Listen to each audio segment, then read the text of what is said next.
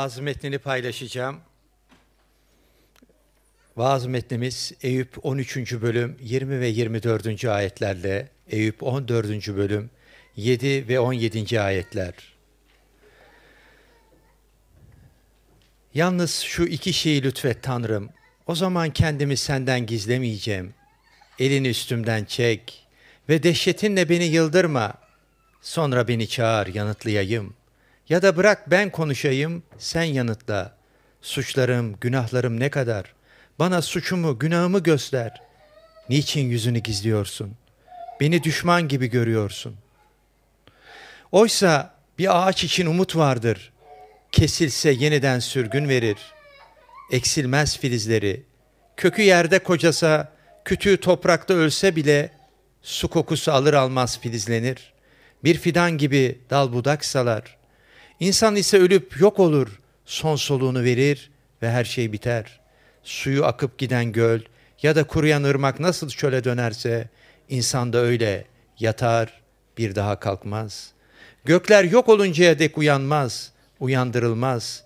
Keşke beni ölüler diyarına gizlesen, öfken geçinceye dek saklasan, bana bir süre versen de beni son anımsasan, insan ölür de dirilir mi?'' Başka biri nöbetimi devralıncaya dek savaş boyunca umutla beklerdim. Sen çağırırdın, ben yanıtlardım. Ellerinle yaptığın, yarattığını özlerdin.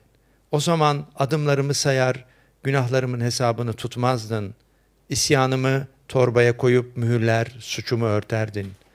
Amin. Vaaz metni için Simon abiyi davet ediyorum.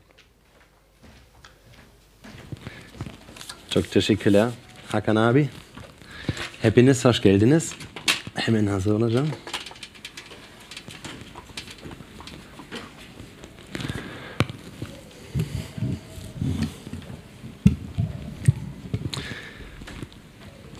Ben dua ediyorum. Ya göklerdeki babamız acı çekme konusu bazen çok zor bir konu. Ve Eyüp e, kitap aracılığıyla lütfen bugün bize konuş ve seni daha iyi tanımak için lütfen bize yardım et. İsa Mesih'in adıyla dua ediyorum. Amin. acı çekme herkesi etkileyen bir konudur. Hayatta acı çekmekten daha kaçınılmaz bir şey yoktur. Ve kutsal kitapta ve edebiyatta acı çekme konusunu Eyüp kitabının daha gerçekçi ve bilgiçe ele alan başka bir kitap yoktu. Bu hafta yine e, Eyüp kitabına bakıyoruz. Eyüp'ün imanlı olduğunu ve aniden her şeyini kaybettiğini görüyoruz. Ailesini, servetini, sağlığını. Sonra Eyüp'ün üç arkadaşı ona geliyor ve onunla çektiği acılar hakkında konuşuyorlar. Bu konuşmalardan çok şey öğrenebiliriz. Acının nedenleri ve acıya karşı neyin yardımcı olduğu hakkında. İki hafta önce Elifas'ın kötü öğüdü, öğüdünü ve Eyüp'ün buna nasıl karşılık verdiğini baktık. Şu an kitabın um, orta bölümdeyiz ve Eyüp'ün uzun konuşmaları var. Bunları çok gerçekçi ve çoğu zaman şaşkınlık ve öfke ifade eder. Ancak Eyüp'ün çektiği acılar karşısında güçlü bir iman ve içgüdü gösterdiği iki özel bölüm vardı. Bunlardan birine bugün bakacağız. Burada Eyüp'ün kutsal kitap boyunca Hristiyanların acılara yüzleşmek için sahip oldukları söylenen üç kaynaklı kaynakla boğuştuğunu görüyoruz. Bu üç kaynaklar şunlardır. Mevcudiyet, yücelik ve diriliş. Mevcudiyet, yücelik ve diriliş. Şimdi bunlara bir göz atalım. Mevcudiyet. Metne bakalım. Biz 13. E, ve 14. E, bölümlerden e, iki parça seçtik. 13. bölümde 20 ve 21. ayetlerde Eyüp Tanrı'ya dua eder. Şöyle söylüyor. Yalnız şu ki, şu iki şey lütfet Tanrım. O zaman kendimi senden gizlemeyeceğim. Elini üstünden çek ve dehşetinle beni yıldırma. Böylece ikisi de birbirine çok benzeyen iki şey ister. Tanrı'dan kendisinin vazgeçmesini, onu bağışlamasını ister. 22. ayette devam ediyor. Sonra beni çağır, yanıtlayayım ya da bırak ben konuşayım sen yanıtla. Beni çağırmanı istiyorum. Der. Çağırmak birinin huzuruna e, çıkarılmak demektir. Onun isteği de budur. 24. ayette şöyle der. Niçin yüzünü gizliyorsun? Beni düşman gibi görünüyorsun. Ne demek istiyor?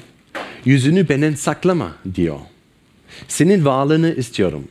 Belki sana karşı günah işledim. Eğer durum buysa onu öğrenmek istiyorum. Bunun çözülmesini istiyorum. Ama düşmanım olmanı istemiyorum. Düşmanım olmadığını bilmek istiyorum. Benimle olduğunu bilmek istiyorum. Senin huzurunda olmak istiyorum der. Bu bir gelişme, bir ilerleme diyor. Çünkü Eyüp önceki ayetlerde bir açıklama istemişti. Neden bu, bunlar benim başıma geliyor? Bana bir sebep ver. Şimdi ise bir açıklama değil. Tanrı'nın kişisel huzurunu istemiştir. İstemektir. İstemektedir. Diyor ki, benimle olduğunu ve her şeyi şeyde benimle birlikte yürüdüğünü bildiğim sürece bütün yanıtlara ihtiyacım yok. Ee, eskiden, sizlerden bazıları biliyor, e, eskiden çocuklarla, genç çocuklarla beraber çalışıyordum. Ve bazılar onlardan bazıları çok acı çektiler. Bu nedenle kendi evinde yaşamadılar ve başka yani hükümet onları başka e, eve koydular ve orada ben onlara baktım. Ve çektileri e, acılarından onlara genellikle ne yardımcı oldu, e, ol, oluyor, oluyordu biliyor musunuz? Onlara zaman geçirdim ve sadece dinledim. Tabii ki konuştum onlarla ve bazı şeyleri söyledim ama en çok yardım ettiğin şey dinlemek, onlarla bol bol zaman geçirmek. Sık sık saatlerce birlikte oturduk ve yaptığım en önemli şey dinlemekti. Onlar kendi çektiği acılardan, bahs acılardan bahsettiler ve ben dinledim. Çok yardımcı olurdu. Acı çekme deneyimi, deneyimi entelektüel bir bulmaca değildir. Bu bir yolculuktur. Birinin size ne yapmanız gerektiğini söylemesine ihtiyacı yoktur. Acı çekerken sizinle birlikte yürüyecek birine ihtiyacınız vardır. Bazen iyi bir tavsiye değil. İnsanların, dostların, kişisel varlığına ihtiyaç duyarsınız. Varlıklarıyla siz güç ve cesaret veren insanlara. Peki, diğer insanlara durum böylese, Tanrı'yla durum nasıldır? Sizi yaratan Tanrı'nın yanınız, yanınızda olduğunu bilmek nasıl bir şeydir? Bu kutsal kitapta tekrar tekrar okuduğumuz bir kaynaktır. Tanrı'nın acı çekerken sizinle birlikte olduğu, sizi sevdiği kesinliği ve netliği sizi teselli eder. Acı çektiğinizde bu sizin için nasıl bir duygu? Tanrı'nın sizinle birlikte olduğunu, sizi teselli ettiğini bilmek arzunu mu? Eyüp Tanrı'ya inanır. Ama haklı olduğundan emin olabilmek için onunla konuşmak ister. Eyüp Tanrı'nın sevgisine inanıyordu. Ama emin olmak için Tanrı'dan bir görüme ihtiyacı vardı. Bizim durumumuz nasıl? Bu kesinliği elde etmek için bir görüme ihtiyacımız olmadığı, olmadığını biliyor musunuz? Acılarımızın üstesinden gelebilecek gücü elde etmek için. Tüm dinler arasında sadece Hristiyanlık acıya karşılık olarak Tanrı'nın bize bir kural ya da bir her şeyin ne anlama geldiğini açıklayan büyük bir sonuç içeren bir tavsiye vermediğini söyler. O kendisi geldi. Tüm dinler arasında sadece Hristiyanlık Tanrı'nın ise Mesih'te dünyaya geldiğini ve acılar dünyasına girdiğini söyleme cüretine sahipti. O yalnızdı. İhanete uğradı. İskence gördü siyasi adaletsizliğin ve ara, ayrımcılığın kurbanı olmuştu. Öldürülmüştü. Başka bir deyişle bizim yanımıza geldi. Kutsal kitabın tanrısı uzak bir tanrı değil. Tanrı oğlunun şahsında bizzat acı çekmek, çekmiş tanrıdır. İsa acının ne demek olduğunu bilir tamamen Tanrı ve tamamen insan olan İsa bizim için ölmeye hazırdı. Ama İsa neden ölmek zorundaydı? 23. 23. ayette Eyüp şöyle der, suçlarım, günahlarım ne kadar?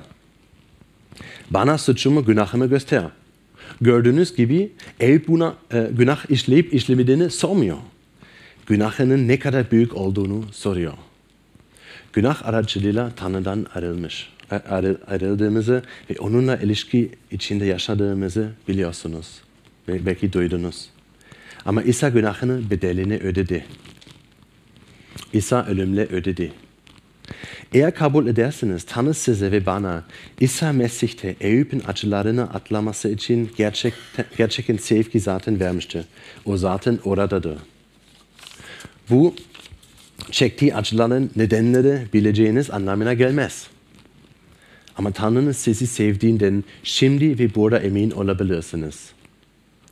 Ve bu teorik, teoretik bir sevgi değil. Hayır, Tanrı bize olan sevgisinin oğlunu bizim uğrumuza ölmesi için bu dünya göndererek, göndererek göstermiştir. Kutsal kitapta sevgi, kendini iyi hissetmenizi sağlayan bir duygu değildir. O bir eylemdir.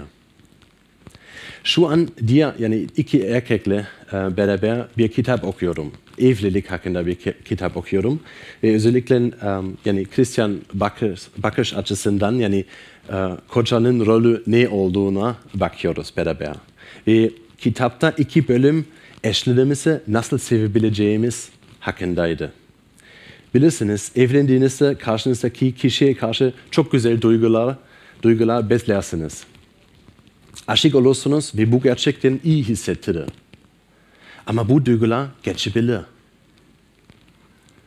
Bu da sevginin sizin için ne anlama geldiğini gösterir.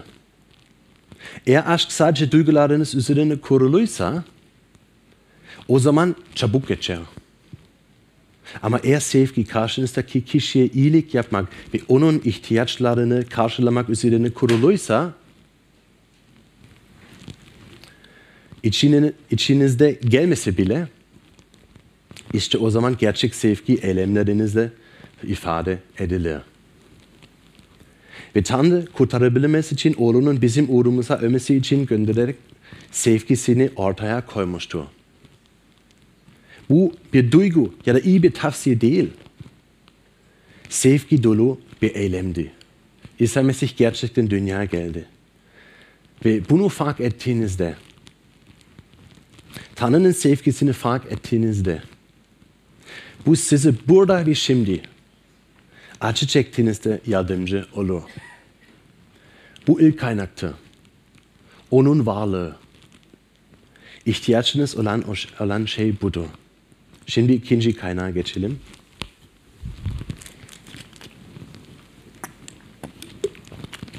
Yücelik. Bütün bunları ne anlama geliyor? Bir sonraki bölümde Eyüp bir metaforla başlıyor. Bir ağaç için umut olduğunu söyleyerek başlar. Eyüp 14. bölüm e, ayet, on, ayet 7, 8, 9 okuyorum. Oysa bir ağaç için umut vardı. Kesilse yeniden sürgün verir. Eksilmez filizleri. Kökü yerde kocasa, kocasa, kütüğü toprakta ölse bile su kokusu alır al, almaz filizlenir. Bir fidan gibi dal budak salar kesildiğinde ve acı çektiğinde en azından bir ağaç için umut vardı. Bu şekilde kutsal kitaptaki, kitaptaki çok önemli bir konuya değinir. Acı çekmek budamak gibidir. Biyolojik yaşamının en büyük paradokslarından biri, şanlık ve üretimliğin budama gerektirmesidir. Eğer bir meyve ağacına ya da asma kendine halini bırakırsanız, özgür bir yaşam sürmelerine izin verirsiniz, asla çok verimli olmazlar. Ne yapmanız gerekir? Tüm güzelliği, tüm yaprakları, tüm çiçekleri, her şeyi kes kesmeniz gerekir ve sanki yok edilmiş gibi görünüyor. Ancak bir elma ağacının ya da bir asma, asmayı budadığınızda dalları daha kalın, daha dolgun ve daha verimli olur kutsal kitap aynı şekilde acı çekmenin de yücelik getirdiğini tekrar tekrar söyler. Tipki kesilen bir ağacın yeniden fizleninin eskisinin daha iyi olması gibi acıda yücelik doğar. kutsal kitabın her yerinde bize yücelik ve acının birlikte olduğunu söylenir. Bu nedenle 1. Petrus 4 14'te şöyle söylüyor. Mesih'in adından ötürü hakarete uğrarsınız.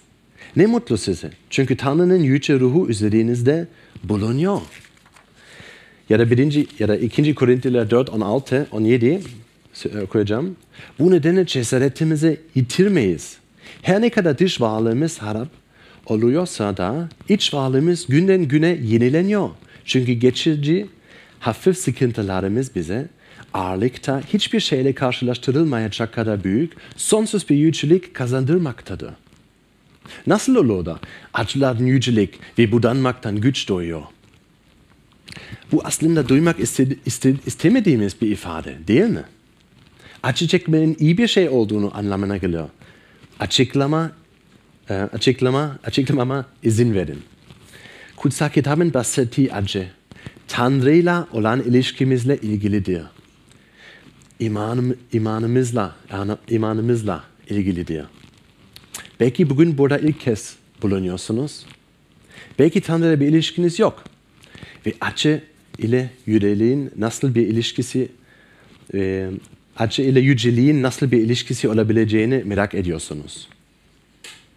Kutsal kitap yaşamınızdaki en önemli şeyin İsa Mesih aracılığıyla Tanrı'ya, Tanrı'yı tanımak ve onunla yaşamak olduğunu söyler. Eğer en çok sevdiğiniz şeylerden oluşan bir listeniz varsa, bu sadece bir parçası olmak istemez. Tanrı, onun yaşamınızın her alanın merkezinde olmasını ister. Ailenizde, evliliğinizde, dostluklarınızda, işinizde ve boş zamanlarınızda bile. Ve Tanrı'nın gerçekten yaşamınızın merkezinde olup olmadığını, yaşamınızda acı, acı zorluk ve sıkıntılara girdiğinde anlarsınız. Arkadaşınız, arkadaşınızla ilişkiniz bozulduğunda, Tanrı yaşamınızda olan, ona olan inancınızın sizi taş, taşıyacağı kadar önemli midir? Çok parayı kaybettiğinizde, paranın sizin için Tanrı'dan daha önemli olup olmadığını fark ediyor musunuz? Bir hastalığı yakalandığınızda, acı çektiğinizde, Tanrı'nın gerçekten yaşamınızın merkezinde olup olmadığını görüyorsunuz. Bir örnek. Geçen yıl kilisimizden e, bir adamın ateşi sürekli yükseliyordu ve bu çok tehlikeliydi. Doktorlar aylarca e, bunun nedenini bulamadılar. O ve ailesi çok acı çektiler. Ama bana ne dedi biliyor musunuz? Kötü bir dönemde ama aynı zamanda İsa olan ilişkisi daha da yakın, yakınlaştı. Yakınlaştı. Da İsa'yı daha iyi, daha yakın tanıdım. Başka bir örnek. Eşim Jenna küçük bir kasabada büyüdü. İyi bir arkadaşının annesini kansere yakalandı, çok acı çekti ve öldü. Ama ölmeden önce ne dedi biliyor musunuz? Bu acılar sayesinde İsa'yı tanıdığım ve yıllarca onun izledikten sonra bile ona hiç güvenmediğim bir şekilde güvendim. O benim gücüm ve umudum. Acı çekmek size yaşamınızdan neyin gerçekten önemli olduğunu gösterdi. Tanrı'yı tanımak mı? Yoksa sizin için daha önemli olan başka şeyler mi? Ve eğer bu şeyler sizin için Tanrı'ya olan ilişkiniz daha önemliyse, size gerçekten de acının üstesinden gelme gücü veriyor mu? Veriyor mu? Bir ağaç budamak nasıl dallarını güçlendirir? Ve daha fazla meyve verirse acı çekmekte imanınızı güçlendirir. Ve Tanrı onu onurlandıran bir yücelik yaratır. Bu metinde ve kutsal kitapta gördüğümüz acıların üstesinden gelmenize yardımcı olan kaynaklardan biridir. Ama hepsi bu kadar değil. Şimdi üçüncü kaynağa gelelim. Diriliş. Burada 14. bölümde kutsal kitabın başka yerlerinin insana uygulanan budama imgesi kullanır. Ama okum, okumaya devam edersek Eyüp'ün bir sorunla karşılaştı. Diyor ki, şimdi bir dakika bekle. En azından bir ağaç için umut var. Kesilirse yeniden filizlerine gelir. Ve yeni sürgünleri başarısız olmaz. Kökleri toprakta yaşlanabilir ama yeniden çiçek açacaktı. Ama bir insan öldüğünde kökleri yoktu. O sadece yok olur. Ben ön dördüncü bölümde ayetler 10, 11, 12 okuyacağım. İnsan ise ölüp yok olur. Son soluğun verir ve her şey biter. Suyu akıp giden göl ya da kuruyan ırmak nasıl çöle dönerse insan da öyle. Yatar bir daha kalkmaz. Gökler yok oluncaya dek uyanmaz. Uyandırılmaz. Görüyorsunuz umutsuzluk içinde. Diyor ki bu sadece küçük bir acı değil. Yok ediliyorum. Sağlığım gitti. Yok ediliyorum ve hiç umut görmüyorum.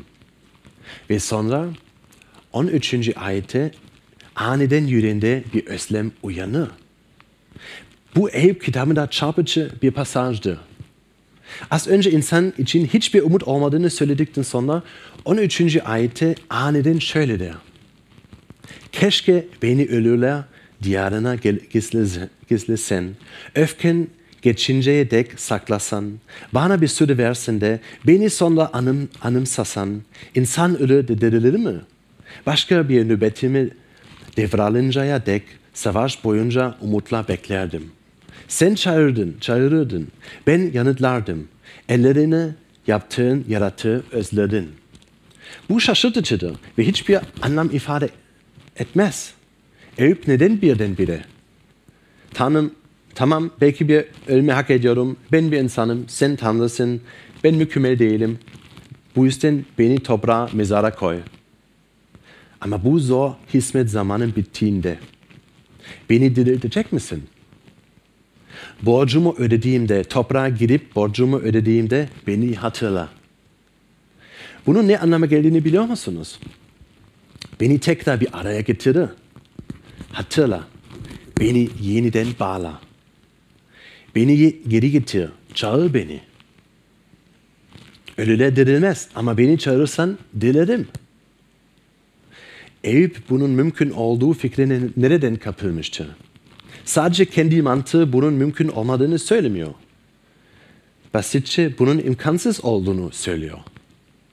Ama mutlu olmasının bir nedeni olmalı ve de var. Ne olduğunu biliyor musunuz? Diyor ki sen çağırıyorsun ve ben cevap veriyorum. Peki ne, neden biliyor musunuz? 15. ayette şöyle diyor. Sen çağırdın, çağırırdın, ben yanıtlardım. Ellerinle yaptığın yarattığı özlerdin. Özlem için kullanılan bu sözcük, sözcük yoğun arzu, sevgi anlamına gelir. Söylediği şey budur. Beni sevdiğini biliyorum ve sevdiğini o kadar güçlü olduğuna inanıyorum ki ölü kalmamaz için vermeyeceksin. Bunun mantıklı olmadığını biliyorum. Kimse bana diriliş hakkında bir şey söylemedi ama senin hakkında bildiklerimi alıyorum. Bence senin sevgin, ölmüş olsam bile bir gün beni çağırabileceğin ve çağrının beni dirilteceği anlamına geliyor. Benim umudum bu. Böyle bir fikre nereden kapılmıştı? Tanrı'nın sonsuz sevgiye sahip bir Tanrı olduğunu biliyor. Bunu fark ettiği bir an yaşıyor ve şöyle der. Eğer Tanrı bildiğim kadar büyükse ve sevgisi bu kadar büyükse o zaman bir gün beni çağıracak ve ben de yeniden dirileceğim. Pek çok din cenneti vaat eder. Cennete bir tür ruhani gelecektir. Öyle değil mi? Budizm, Hinduizm, Reinkarnasyon, İslam, tüm dinler temelde cennet vaat eder. Ruhani bir gelecek vaat ederler. Pek cennet nedir? Acı çekmek için bir tesellidir.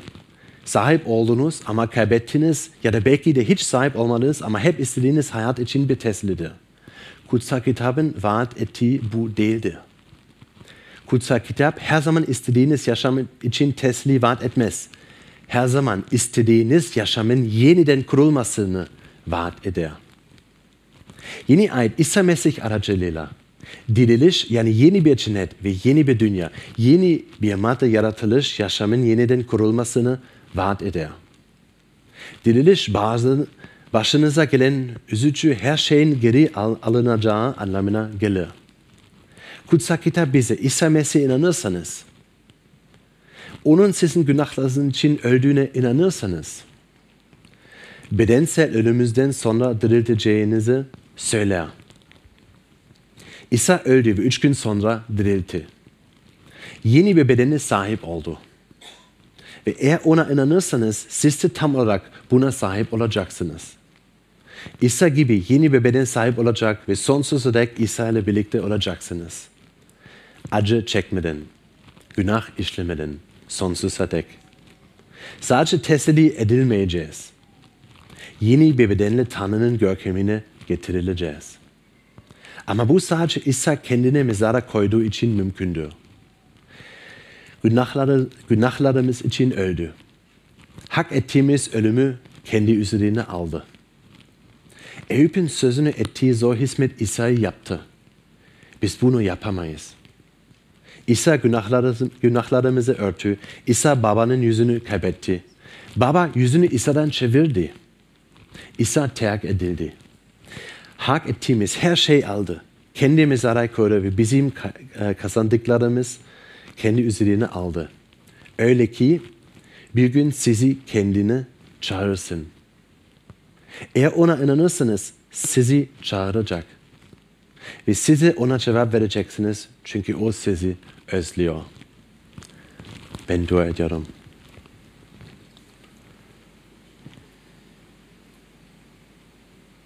Ya İsa Mesih, bizi o kadar çok sevdin ki dünyaya geldin. Bizim günahlarımız için öldün.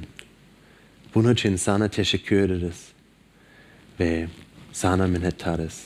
Yine gökteki babamızla ilişki içinde olabildiğimiz için sana şükrediyorum. Ya Rab, sana şükrediyoruz Rab. Lütfen kalplerimize dokun ve bize konuş. Senin kutsal ruh aracılığıyla. İsa mesnediyle. Amin.